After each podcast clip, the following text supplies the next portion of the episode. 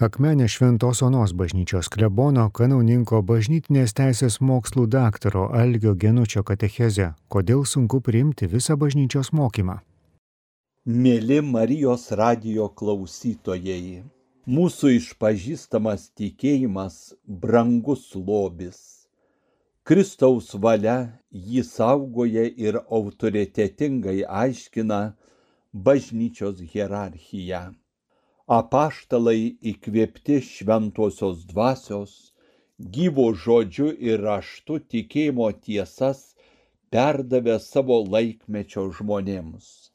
Amžių tiekmėje jų įpėdiniai viskupai iš Kristaus gautą apaštalų tikėjimą perduoda vis naujoms krikščionių kartoms lygi garbingo viešpaties antrojo sugrįžimo pasaulio pabaigoje.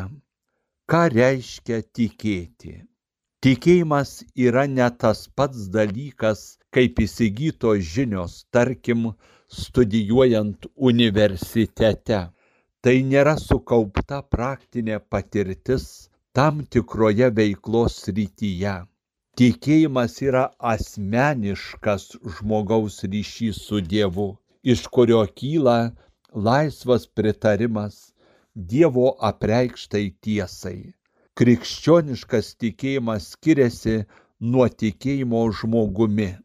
Pasitikime žmonėmis, tačiau jie gali suklysti patys ir mus suklaidinti.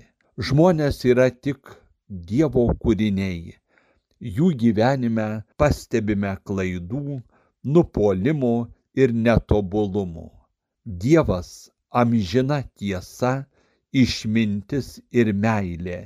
Nei pats suklysti, nei mūsų suklaidinti negali. Jis tikėjimu kviečia žmogų į amžiną draugystę su juo. Tikėti Dievą tuo pačiu reiškia tikėti ir jo siūstąjį sūnų pasaulio išganytoją. Jėzus tvirtina, Dievo niekas niekuomet nėra matęs, tik tai viengimis sūnus Dievas, tėvo prieglopstyje esantis, mums jį apreiškė. Darytume didžiulę klaidą, jei tikėtume Dievą, bet netikėtume jo siūstuoju išganytoju Jėzumi Kristumi. Tas pats pasakytina ir apie šventąją dvasę negalima tikėti Jėzų Kristų, o atmesti šventąją dvasę. Anot apaštalo Pauliaus, ne vienas negali ištarti Jėzus yra viešpats, jei šventoji dvasia nepaskatina. Mes tikime ir išpažįstame šventąją dvasę kaip tikrą Dievą malonių dalintoją. Bažnyčia skleisdama tikėjimą skelbia dogmas. Tai reiškia, kad ji apibrėžia ir patvirtina tikėjimo tiesas kaip paties Dievo apreikštas, kuriomis būtina tikėti. Tokių apreikštų ir dogmomis paskelbtų tikėjimo tiesų pavyzdžiai yra trivienis Dievas, Dievo sūnaus ateimas į žemę gelbėti žmonių, Kristaus buvimas švenčiausiame sakramente ir panašiai. Kai kurios tiesos betarpiškai siejamos su kitomis, kurias laikome apreikštomis. Pavyzdžiui, viešpats Jėzus Kristus yra tikras Dievas ir tikras žmogus viename asmenyje todėl jis turi dievišką ir žmogišką valią. Svarę reikšmę įgyja pastovus ilgaamžis bažnyčios mokymas.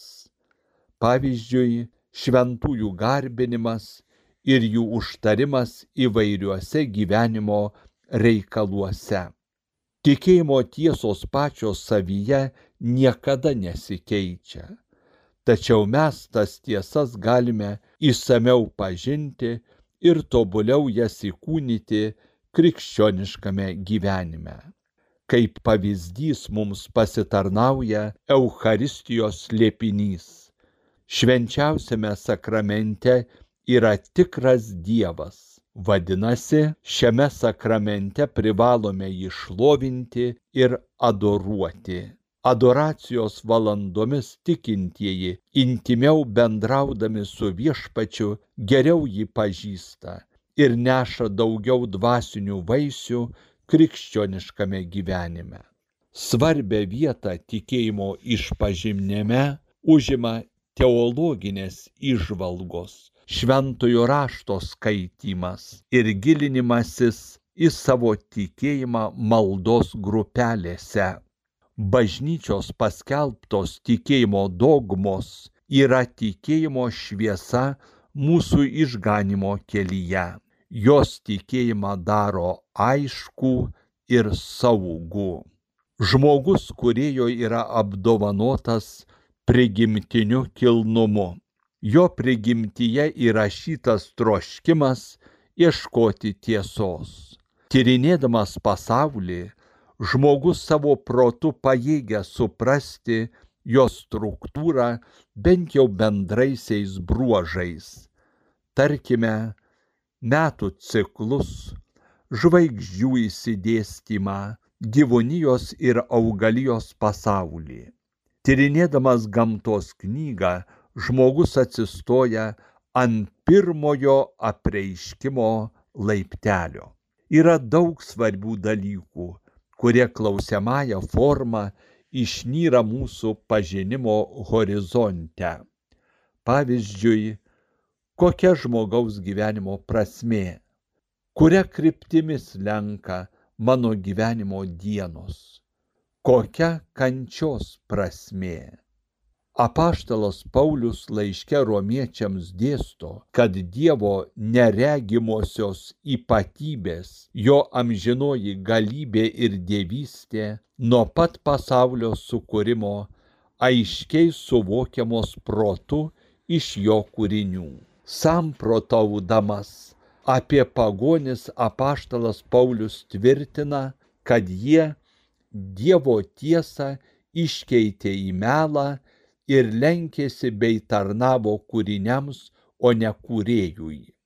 Apaštalas Paulius teigia, kad žmogus savo prigimtiniu protu yra pajėgus padaryti išvadą apie Dievo buvimą ir suvokti jo galybę išminti kuriamąją galę.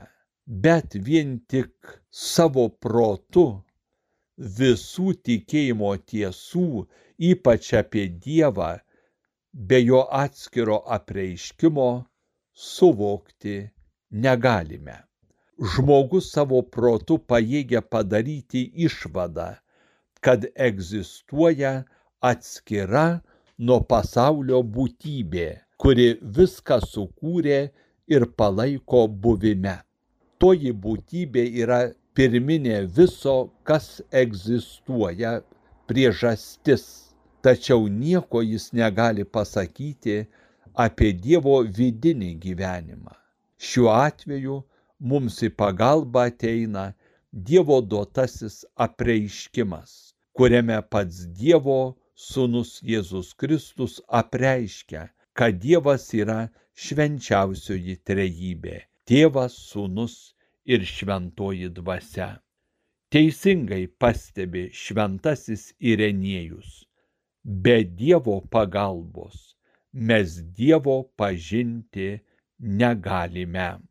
Vatikano antrasis susirinkimas dogminėje konstitucijoje apie Dievo apreiškimą sako, apsireikšdamas neregimasis Dievas iš didžios meilės prabyla žmonėms kaip draugas ir su jais kalbasi, norėdamas juos priimti į savo bendrystę. Per šį apreiškimą tiesa apie Dievą ir apie žmogaus išganimą visa savo gelme mums sušvinta Kristuje, kuris yra viso apreiškimo tarpininkas ir pilnatvė. Mūsų pažinimas lieka ribotas Todėl į pagalbą mums ateina Dievas. Jis praplečia mūsų pažinimo horizontus, kad mes suvoktume dalykus, kurie pranoksta žmogiškąjį žinojimą. Tai yra tikėjimo slėpiniai, Dievo mums apreikšta tokia tikrovė, prie kurios mes prisiliečiame, nors jos įsemti ir nepajėgiame. Savo žmogiškomis galiomis, protu ir valia paklūstame tikėjimo tiesas apreiškiančiam Dievui. Jo dovanojama tikėjimo tiesą žmogus proto gale stengiasi suprasti o valios pastangomis priimti ir pagal ją gyventi. Protu gilindamiesi į tikėjimo tiesas, jas geriau suprantame. Tikėdami Dievo apreikštomis tiesomis siekime jas geriau pažinti ir pagal jas gyventi.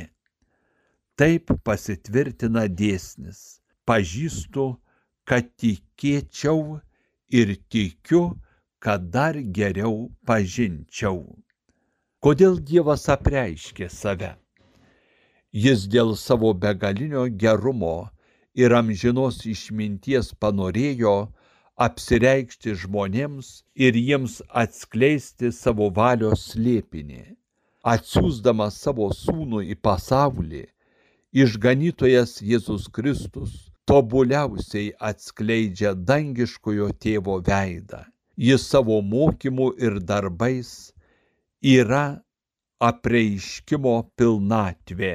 Jo žodžiai ir dėstomas mokslas turi tvirčiausią tikėjimo ir pasitikėjimo pagrindą. Tikėjimas yra Dievo duota dovana.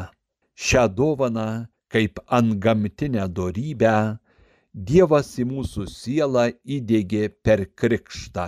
Tiesa, žmogaus siela jau prigimtinėje plotmėje turi tam tikrą polinkį ieškoti Dievo. Tačiau tikroji tikėjimo sėkla siejama krikštu. Pakrikštytasis visam gyvenimui bus pažymėtas tikėjimo ženklu.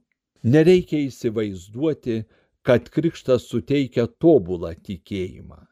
Krikštas yra tik tam tikri pamatai tikėjimo statiniui arba šios dorybės užuomasga, tik pradžia. Krikštas pakrikštytąjį daro pajėgų tikėti Dievą, juo viltis ir jį mylėti. Metams lenkant, tikėjimas turės būti ugdomas, saugojamas ir brandinamas.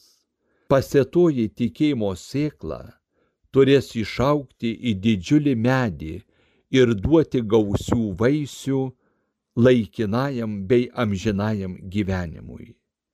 Tikėjimo malonę iš Dievo gauname tarpininkaujant bažnyčiai.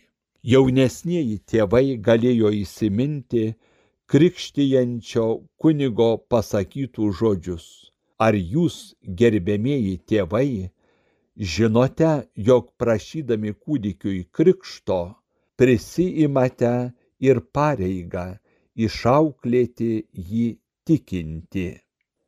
Gal ne vienam Marijos radio klausytojui teko būti krikštatėviu ar krikštamote. Prisiminkime, kokius žodžius girdėjome krikšto apieigų pradžioje.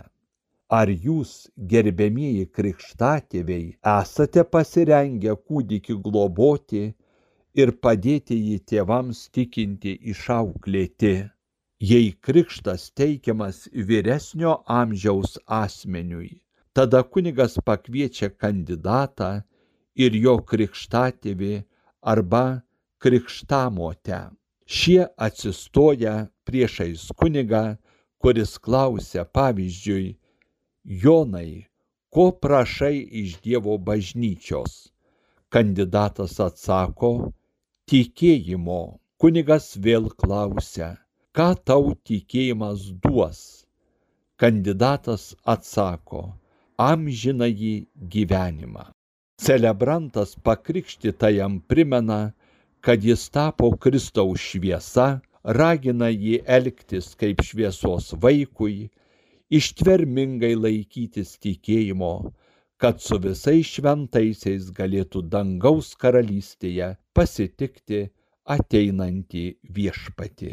Prisiminkime, kaip Velykų naktį, dalyvaudami Kristaus prisikėlimo pamaldose, atnaujiname Krikšto pažadus, kuriais išpažįstame savo tikėjimą. Bažnyčia Krikštą laiko tikėjimo sakramentu ar tikėjimo kelyje nekyla jokių sunkumų. Apaštalas Jokūbas sako, tikėjimas, jei neturi darbų, jis savyje miręs. Mūsų išpažįstamas tikėjimas nėra vien tik taisyklių rinkinys. Nepakanka vien sklandžiai išvardinti pagrindinės tikėjimo tiesas tikėjimas eina kartu su mūsų darbais. Gyvas tikėjimas tai liudijimas. Išpažindami savo tikėjimą keliaujame per pasaulį. Privalome vykdyti krikščioniškojo gyvenimo misiją. Tai darydami dažnai susidurėme su daugybė iššūkių ir priešiškumų. Ši misija nėra vienkartiniai herojiški darbai, tarkim tolimuose kraštuose. Tikėjimas reikalauja kasdienio pasiaukojimo artimui šeimoje, parapijoje, darbovietėje. Dėl savimeilės dažnai neteisingai įsivaizduojame Dievą, kitus ir save. Tikėjimas reikalauja pakeisti mąstyseną o tai yra viso gyvenimo darbas. Savo tikėjimą mes išpažįstame laisvą valią. Kur laisvė, ten ir atsakomybė. Tos atsakomybės dažnai kratomės. Pasitaiko atveju, kai sekdami Kristumi paslystame ir suklumpame. Taip atsitiko ir apaštalui Petrui. Nejaugi mes geresni už jį. Tikėjimo kelyje turime pasimokyti iš savo klaidų ir nesėkmių ir vėl nuolankiai grįžti pas Jėzų. Nežiūrėkime į savo dėmes vien tik klaidų tamsoje. Viešpats mus apšvies, jo meilė neturi ribų ir suklydę vėl atsitiesime. Nemanykime, kad mūsų tikėjimo apogėjus yra pirmoji komunija ir sutvirtinimas. Be abejo, vaikiškame pasaulyje ir paauglystės amžiuje tai yra reikšmingi įvykiai. Tačiau slenkant laikui reikia vis brandesnio tikėjimo.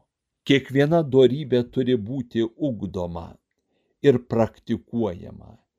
Kitu atveju ji sunyksta, nebedaro įtakos gyvenimui ir kasdieniniams apsisprendimams. Mūsų elgesiui ir apsisprendimams daro įtaką ta aplinka, kurioje mes gyvename o ji dažnai nepalankiai veikia mūsų tikėjimą. Esame linkę susitapatinti su ją ir mūsų supančiai žmonėmis. Mūsų supanti aplinka gal kiek sukrikščionėja per Kalėdas ir Velykas. Kitais atvejais lieka indiferentiška krikščioniškoms vertybėms. Žinoma, demokratinėje visuomenėje nebūsime persekiojami dėl savo religinių įsitikinimų, bet turėtume būti pasirengę priimti pašaipą ir kandesnį žodį, o tam reikia įsiugdyti brandesnį tikėjimą. Nesame superherojai. Todėl melskime šventosios dvasios dovanų, ypač drąsos ir nuolankumo, kad su meile neštume Kristų į savo aplinką. Kviečiu klausytojus prisiminti reikšmingą ištrauką iš Jono Evangelijos šešto skyriaus apie Eucharistiją. Jėzus padaugina duoną ir pasotina mines, susirinkusias jo pasiklausyti. Žmonės patenkinti jo daromais stebuklais kalba. Jis tikrai tas pranašas, kuris turi ateiti į pasaulį. Kitame susitikime Jėzus ragina žmonės plušėti ne dėl žūvančio maisto, bet dėl išliekančio amžinajam gyvenimui. Jėzus aiškiai kalba apie tai, kad jis yra gyvybės duona nužengusi iš dangaus. Kas valgy šią duoną, gyvens per amžius žmonės pradeda tarpusavyje ginčytis ir klausinėti vienas kito, kaip jis gali duoti valgyti savo kūną. Tačiau Jėzus skelbia, kas valgo mano kūną ir geria mano kraują, tas turi amžinąjį gyvenimą ir aš jį prikelsiu paskutinėje dieną. Mano kūnas tikrai yra valgis ir mano kraujas tikrai yra gėrimas. Evangelijoje užsimenama, kad nuo to meto nemaža jo mokinių pasitraukė ir daugiau su juo nebevaikščiojo. Kai kurie Kristaus klausėsi ir jį sekė žmonės, turėjo savų įskaičiavimų. Šie sekėjai tiekėjosi, kad Jėzus padarys stebuklingų darbų, sukurs gerbuvį, tauta bus viskuo aprūpinta ir gyvens laimingą gyvenimą. Jie nepajėgė išvelgti skelbiamo mokslo dvasinės plotmės. Jų dėmesys buvo apsiribojęs vien medžiaginiais dalykais ir savais įskaičiavimais įsteigdamas Eucharistiją, Kristus galvojo ne apie trumpalaikius medžiaginius dalykus, bet apie dvasinius, amžinuosius, apie žmogaus galutinį gyvenimo tikslą, amžinąjį gyvenimą ir prisikelimą iš numirusių. Tikėjimo tiesos nėra laimingo žemiško gyvenimo taisyklių rinkinys jos skirtos ne tam, kad sotus ir nerūpestingas būtų mūsų gyvenimas žemėje. Visos tikėjimo tiesos yra laimingo amžinojo gyvenimo su Dievu garantas. Priimti Jėzaus mokymą ir jį įgyvendinti, nepaisant iškylančių sunkumų, nėra lengva tačiau taip elgdamiesi bręstame kaip viešpaties mokiniai, tarsi mes būtume perkeliami iš vienos klasės į kitą. Šiame gyvenime mokinystė apsivelka kasdieniškos ištvermės rūbu. Tikėjimas nežada lengvesnio ar patogesnio gyvenimo už tai, kad žemėje laikėmės Dievo žodžio tik amžinybėje pamatysime, kaip Dievas palaimino ir įvertino mūsų pastangas ištvermingai laikytis tikėjimo. Tikėjimas nėra smalsumo tenkinimas, bet rimtas apsisprendimas ir įsipareigojimas. Apaštalų darbų knygoje skaitome, kaip Paulius Atenuose skelbė tikėjimą aikštėje susirinkusiems klausytojams. Kai kurie jų su Pauliumi ginčijosi. Jie sakė, kad Paulius kalba jų ausims negirdėtus dalykus. Atenų gyventojai leisdavo laiką pasakodami naujienas arba jų klausydami. apaštalo skelbiamas Jėzaus prisikėlimas iš numirusių daugumai jų buvo sensacija. Jie nesuvokė, kad jiems skelbiama geroji naujiena, kurią reikia priimti ir įsipareigoti pagal ją gyventi. Su laiku kai kurių krikščionių tikėjimas sumenksta, kiti visiškai jį praranda. Prisiminkime apaštalą Judą. Jis eina pas aukštuosius kunigus pasiteirauti, ką galėtų gauti mainais už Jėzaus išdavimą. Buvo metas, kai Judas suprato, kad sekdamas Jėzų patenkins savo reikmes, bet dabar elgesi priešingai. Atrodo, kad Judas jau nebepasitikė Jėzumi. Tikriausiai tai nebuvo spontaniškas sprendimas, bet laipsniškas Judo apdrungimas. Judo pasiryžimas sekti mokytoją pamažu silpo ir galiausiai išnyko.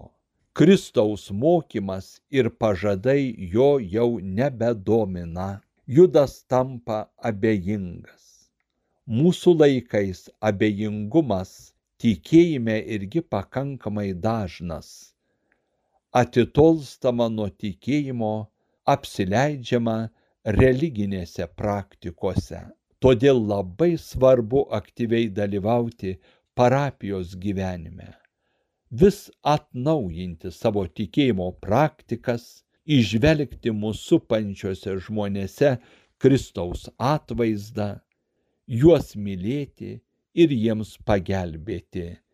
Kitaip mūsų širdis gali pasidaryti ledinės, užsisklendusios ir mes pradėję tikėjimo kelionę dėl abejingumo, atšalimo, apsileidimų rizikuojame išklysti iš teisingo kelio.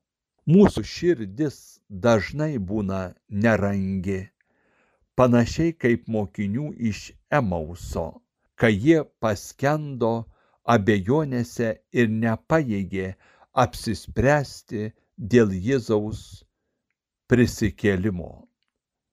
Panašioje situacijoje galime ir mes atsidurti mūsų svajonės ir lūkesčiai gali nesutapti su Dievo planais ir veikimu. Todėl būtina melstis, kad pažintume Dievo valią ir laiko ženklus. Prisiminkime apaštalo Tomo istoriją. Tomas nepatikėjo, kad Jėzus po nukryžiavimo prisikėlė. Į apaštalų sutartinį tvirtinimą apie Jėzaus prisikėlimą Tomas atsako, netikėsiu, kol nepamatysiu. Po aštuonių dienų Jėzus aplankė apaštalus ir liepė Tomui jį paliesti, kad įsitikintų jo prisikėlimo tikrumu. Palietęs viešpati ranka Tomas įsitikino savo mokytojo prisikėlimu. Jėzus tą akimirką Tomui ir kitiems apaštalams pasakė, kad palaiminti, kurie tiki nematę. Tikėjimas nėra regėjimas ar tiesioginis fizinis kontaktas su Dievu. Tai yra pasitikėjimas aukščiausių autoritetų, kuris atskleidžia tokius dalykus, kurių vien savo protu ir patirtimi suvokti nepajėgiame. Nesuprasdami Jėzaus mokslo arba savaip jį interpretuodami, žmonės kartais nuo Kristaus traukiasi.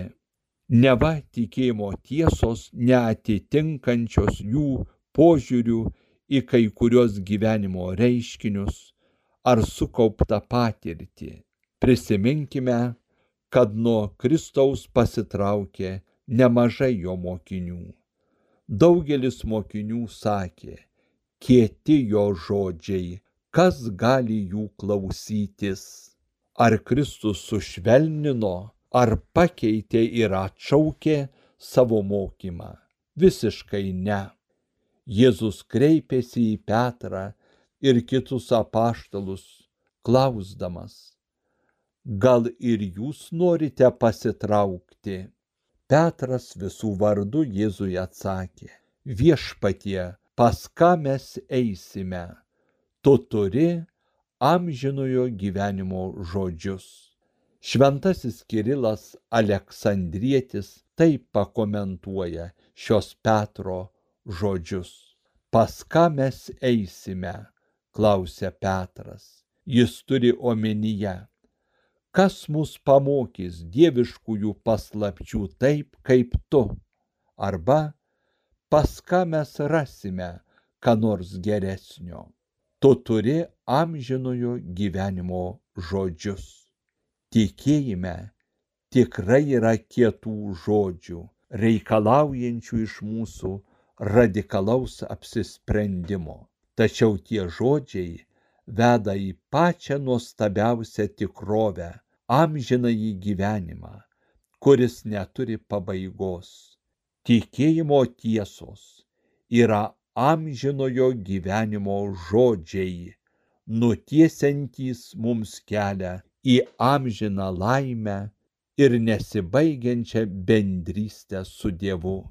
Todėl branginkime tuos amžinojo gyvenimo žodžius kaip labai vertingą lobį, kuri mums iš savo gerumo padovanojo Dievas amžinai laimiai pasiekti. Girdėjote Akmenės Šventos Onos bažnyčios klebono, kanauninko bažnytinės teisės mokslų daktaro Algio Genučio katechezę, kodėl sunku priimti visą bažnyčios mokymą.